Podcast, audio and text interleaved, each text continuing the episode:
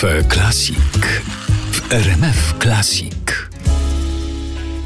Królowa to historia człowieka, który stał się legendą. Historia Frediego Merkurego. O królowej, premierze Teatru Nowego Proxima w Krakowie opowie reżyser i scenarzysta Piotr Sieklucki. Historia jest opowiedziana bez szaleństw, linearnie, od początku, czyli kiedy Freddy był jeszcze farokiem czyli zaczyna się od Zanzibaru, od 1946 roku, czyli od dniu narodzin Frediego Merkurego, w zasadzie Faroka Bulsary, bo Freddie Mercury był to oczywiście pseudonim.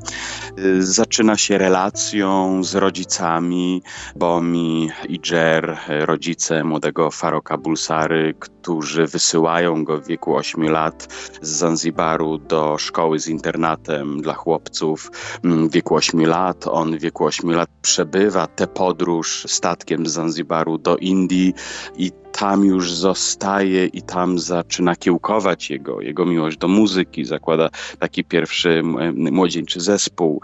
Tam kiełkuje jego miłość do, do sztuki.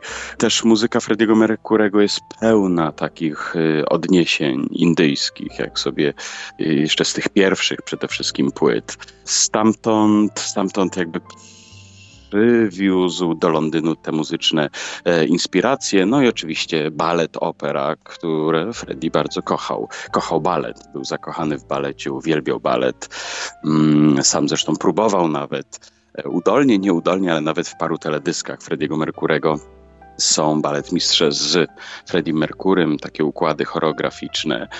Rzadko który showman mm, kocha teatr, kocha operę, operetkę ta linearna opowieść przez życie y, i twórczość y, młodego Faroka Bulsary i później Frediego Mercurego już w Londynie, kiedy zakładał zespół Queen, ona y, równocześnie jest opowiadana przez chorobę HIV AIDS, o której w latach 80. jeszcze nikt nie wiedział.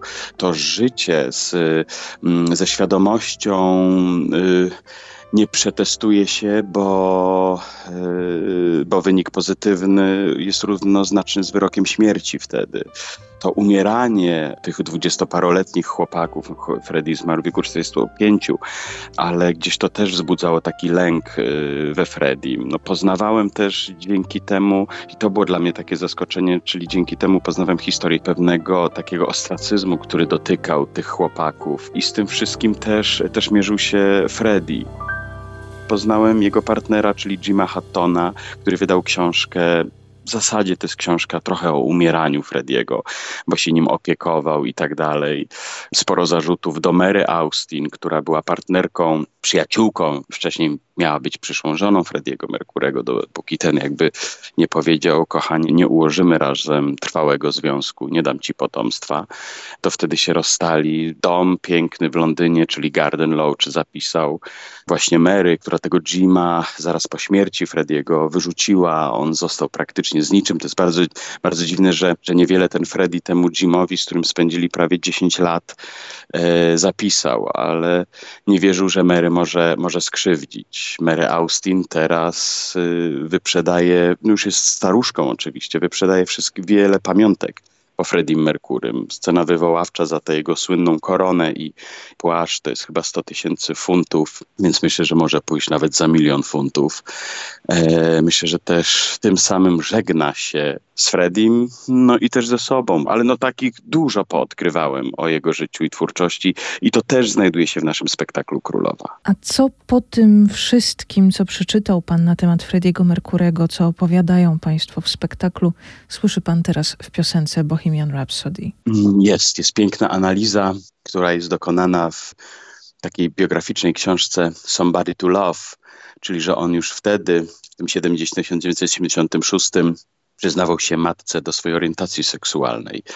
I ta Mary, która była metaforą mamy, o mama mia, mama mia, mama mia, let me go, że przez tę opowieść o, o mordercy Freddy opowiada o, o, o, o samym sobie, o swoim pragnieniu życia zupełnie inaczej. To to było dla mnie takie bardzo o, wielkie odkrycie i to jest w spektaklu. Jego najpotężniejszy utwór, który napisał właśnie w tym 75, 76, który dał mu tę wielką sławę, a piosenkę, której nikt nie chciał puścić w radio. Nie chcieli puścić w radiu, bo jest za długie. Bo powiedzieli, no nie, no nie może trwać utwór 7 minut. My puszczamy kawałki, wszyscy przynoszą kawałki po dwie, maks 3 minuty. Nie może trwać to dwukrotnie. I Freddy powiedział, albo puścicie w całości, albo, mm, albo wcale. No i gdzieś to puścili o 5 nad ranem i rozdzwoniły się telefony do radia. Co to za kawałek, co to za zespół. Elton John zresztą też w naszym spektaklu mówi mu, że ujawnienie orientacji homoseksualnej równoznacznie jest z końcem kariery. Pamiętaj o tym, Freddy. I rzeczywiście tak wtedy było. No, Elton John przyznał się, taki kompletny coming out zrobił chyba dopiero w latach 90. Nie wiem, czy to nie był 95. I wtedy ludzie palili jego płyty i wyrzucali e, przez okno. A co dopiero 1970. Więc z tym, z czym żył Freddy, jak się, jak się szamotał, to nie mogło inaczej się skończyć.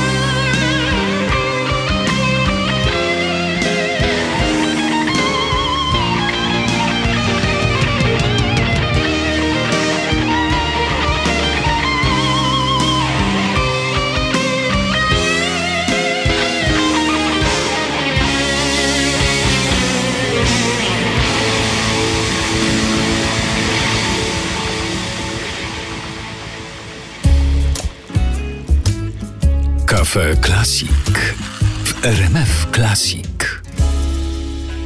Ostatni raz wracamy do dzisiejszej premiery królowej w Teatrze Nowym Proxima w Krakowie. Po pokazach przedpremierowych już są pewne recenzje, ale o nich za chwilę. Najpierw zapytałam Piotra Siekluckiego, reżysera i scenarzystę królowej, o to, czy po tym wszystkim, czego dowiedział się o Freddie Merkurym, przygotowując scenariusz, uważa, że było w życiu Frediego więcej szczęścia czy tragedii? Myślę, że szczęścia, bo on zawsze mówił, jak ktoś go zapytał, co chciałbyś, żeby po tobie zostało, mówi z tym swoim kogucim, e, zawadiackim uśmiechem, mówił, mało mnie to wtedy będzie obchodziło.